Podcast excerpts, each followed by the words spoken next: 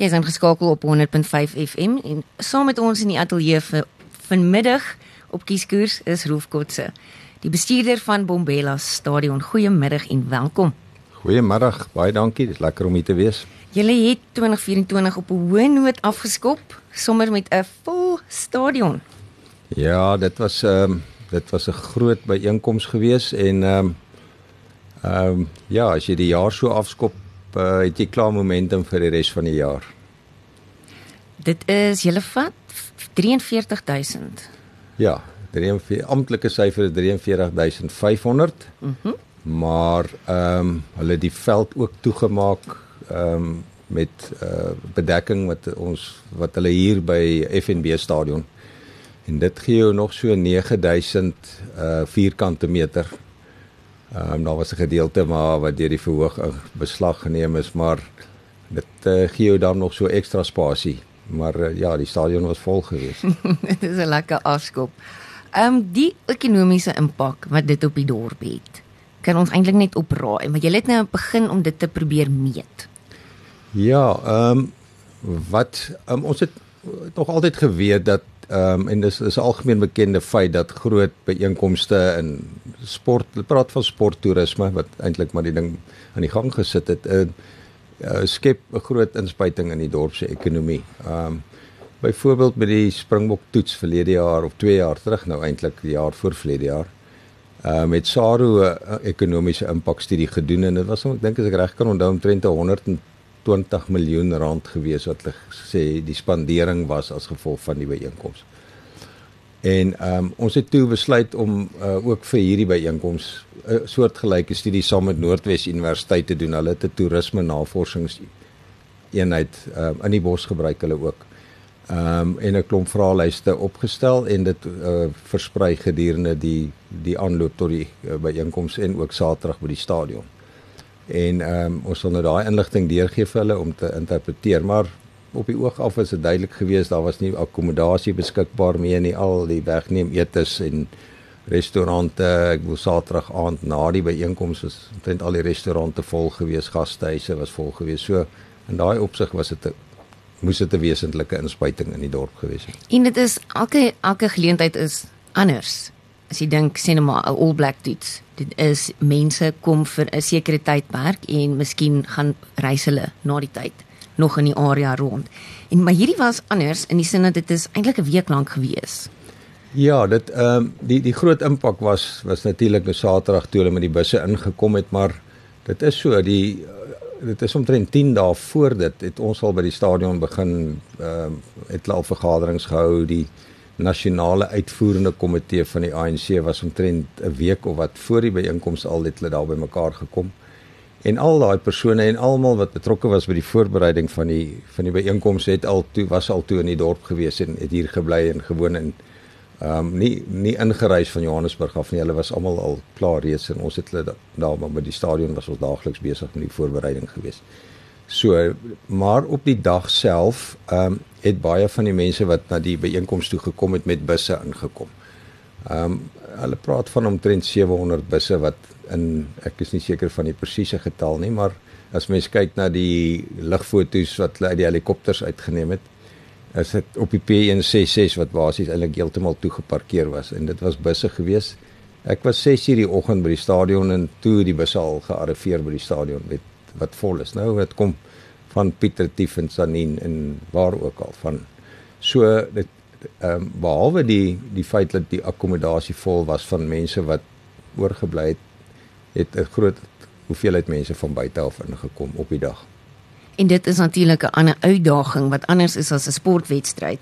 Sokker en rugby is dit is 'n stop en parkeer en ry parkeer in die bus, laai jou af, maar dan ry hy weer. Ja. 700 busse hoef nie te parkeer nie. Dit is dit is so en ons het dit ehm um, ons het die ons is ons is deur hierdie selfe oefening 10 jaar terug. So van die stadion se kant af in 2014 was hulle hier, was dit dieselfde toe toe die ANC ook hier was. Uh so ons het geweet dit is 'n ander uitdaging. Ons het ehm um, en en wat die verkeer betref, dit is maar hoe die dit is hoe die byeenkomste aan mekaar gesit is. Dit is busse.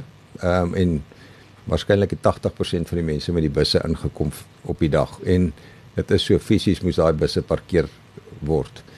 Ons het probeer ehm um, van ons kant af van ek ek dink waarskynlik die stadsraad ook om daarom vir mense te waarsku wat in die onmiddellike omgewing van die stadion is. Ons het vir die aftreeoord oorkant die Makadamia aftreeoord nou met hulle geskakel en vir hulle gesê om te probeer om om nie op op die dag ehm um, te hoef dorp toe te gaan of nie. En ek dink um, almal was daarom voorberei in die onmiddellike omgewing gewees. Dit dit is so dit was ontwrigtend vir iemand wat sekerlik op die Samora Machel wou uitgaan Johannesburg se kant op Pretoria se kant toe. Maar um, dit is so dit in daai opsig was dit waarskynlik ontwrigtend. Wat 'n ander logistieke uitdagings bring so 'n groot geleentheid vir iemand wat die stasie bestuur? Ja, ach, ons fokus is natuurlik om dit 'n veilige byeenkoms te maak. Um, om seker te maak dat die integriteit van die stadion is is reg um, en en dat mense veilig kan inbeweeg, uitbeweeg en gedurende hulle uh verblyf of terwyl hulle in die stadion is um, veilig te wees. Dit is dit is dit is die hoofoorsaak of die hoofuitkyk. Ons maak seker ons uh, slotebaan televisie kameras is almal reg en ons het klomp van hulle ook wat ons in alle geval moes opgradeer wat ons so 'n bietjie opgeknap het sodat as daar insidente sou plaasvind dat mense rekord het daarvan. Ehm um, die bestuur rondom die hekke om seker te maak dat mense vry vloei in die hekke in. Ehm um, en dan die gewone ding soos elektrisiteit. Ons het byvoorbeeld ehm um, daar was kragonderbreking van 11 tot 1 gewees gewone load shedding. So ons moes wat eintlik die piek van die van die byeenkoms was is toe die president gepraat het moes ons op generators hardloop. En daar bly maar 'n risiko altyd in en mense is maar gespanne wanneer jy weet oor die 40000 mense het en jy en jy jy hardloop maar op 'n meganiese masjien. So ons moet seker maak al hierdie toerusting is gediens. Ons moet seker maak daar's genoeg diesel in die tanks en al daai soort van goed en mense ehm um, mense kan veilig in en uit beweeg en dit was ons fokus geweest. Ons was altyd met Rolf Kotse, hy is die stadionbestuurder van Bombela Stadion waar die ANC Saterdag hulle hoof ehm um, saamtrek gehad het om hulle 112de verjaarsdag te vier. Nou dit is 'n goeie begin vir die jaar. Ehm um, ek wil jou vra wat is in die vooruitsig? Ons weet Argentinië kom speel teen die Bokke. Ja, dit is 'n ehm um, lekker opwindende gedagte. Ons begin nou al navraag kry oor kaartjies en mense wat losies wil wil uh, gebruik op die dag. Ehm um, die die Karibeker seisoen skop 'n bietjie later af. Hulle het eers 'n ander kompetisie.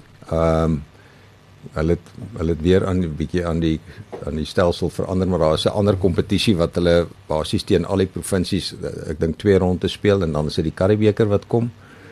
En dan uiteraard het ons nog sokkerwedstryde, uh die tweede helfte van die PSL seisoen. TS Galaxy wat die wat die tuisspan is doen eintlik baie goed. Ek dink hulle lê nou nommer 8 op die op die op die log soos hulle sê. Ehm um, en hulle doel is maar altyd om onder die top 8 te wees uit wat 16 spanne wat eintlik baie goed is. So ehm um, ons het die Metro FM's wat weer hiernatoe kom hierdie jaar. En ehm um, ja, en dan soos ek sê die toets. Ehm um, ek dink na die Springbok All Black toets wat almal as 'n baie positiewe belewenis ervaar het. Ehm um, verwag ons dat ons waarskynlik dalk weer 'n vol stadion sal hê want ehm um, heel wat mense uit Gauteng het gekom daai tyd so wat, ons het klaar klaar hier soos ek sê navraag daarvoor. Verlede jaar was opvallend dat die Pumas wat toe die Karibeker kampioene was aansienlik groter skares gelok het na hulle wedstryde, tuiswedstryde. Ja, dit is so 'n ding in sport. Um, ons sê altyd wen maak alles reg. As jy as jy 'n span het wat wen, dan dan uh wil mense kom kyk. En dit is so 'n uh, gewone byeenkoms by 'n sport. Ehm um, as jy kyk oor see en jy kyk wat gebeur, ehm um, die tendens is dit's meer as net om te arriveer en die wedstryd te kyk en huis toe te gaan want mense moet altyd onthou jy kompeteer met hoë definisie televisie waar 'n ou by die huis kan sit op sy bank met sy voete op sy koffietafel en en hy kan 'n bier drink en hy kan opstaan en selfs die, die wedstryd stop en gaan doen wat hy wil doen en terugkom en verder kyk. So jou belewenis by die stadion moet moet moet iets wees wat meer bied as om net 'n gewone wedstryd uh te kom kyk en eerste ding is jou jou diens by die stadion moet goed wees. Dit moet skoon wees en veilig wees Uh ou moenie in 'n te lank tou staan vir 'n bier nie. Die bier moet koud wees, die bier moet billik geprys wees. Daar moet 'n lekker warm worsbroodjie wees ook wel wat hy kan geniet. So dit moet 'n positiewe belewe wees. Die verkeer moenie so wees dat hy gefrustreerd is om daar te kom nie. Ons besef al daai goed en 'n mens werk maar voortdurend daaraan om te kyk hoe jy daaraan kan verbeter en seker maak dat dit maar op die einde gaan dit jy kan al daai goed bied, maar as die span nie goed speel nie, dan is dit die finale besluit. As die span goed speel, dan kan 'n mens nog van daai ander goed oorsien, maar die span moet wen en goed presteer. En al wen hulle nie, die Pumas wen nie altyd nie, maar die tipe rugby wat hulle speel maak mense opgewonde. En soos hulle sê die on, die underdogs soos hulle sê is is mense hou daarvan om hulle te ondersteun en maar dit is so die Pumas het die laaste 10 jaar baie groter ondersteuningsbasis opgebou as gevolg van dit wat hulle reg gekry het. Baie sigbaar ook in die gemeenskap. Hulle voel soos ons span.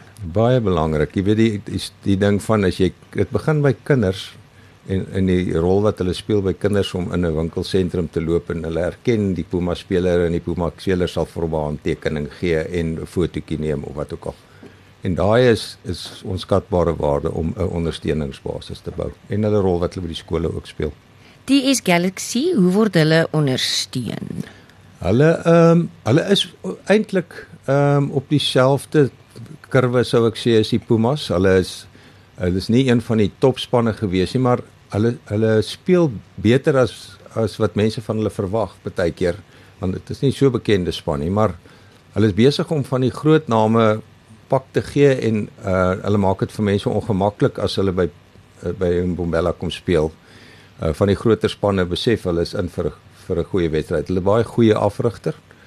Ehm um, oorsee se 'n persoon wat ehm um, baie baie blootstelling het en hulle is regtig besig om goed te presteer en ek sê altyd vir vir iemand wat rugby ondersteuner is, kom kyk na 'n sokkerwedstryd. Dis is eintlik 'n heerlike belewenis die atmosfeer daar en dis veilig en ehm um, mense word altyd met oop arms daar ontvang ehm um, deur die sokker ondersteuners as dit as jy nou as 'n kom ons sê nou maar as 'n blanke daar sou kom wat nie gereeld by so 'n tipe uh, byeenkoms kom nie. Uh is 'n baie goeie atmosfeer en mense geniet dit oor die algemeen as hulle dit eers een keer gaan bywoon het. Ons gesels met Roof Kotse, Mombela Stadion se bestuurder. Baie dankie dat jy kom inloer het. Jy seker verlig. Ja, groot partytjie sou eers agter die rug. ja, ons is bly as dit als goed afgeloop het en nou was nie groot insidente nie.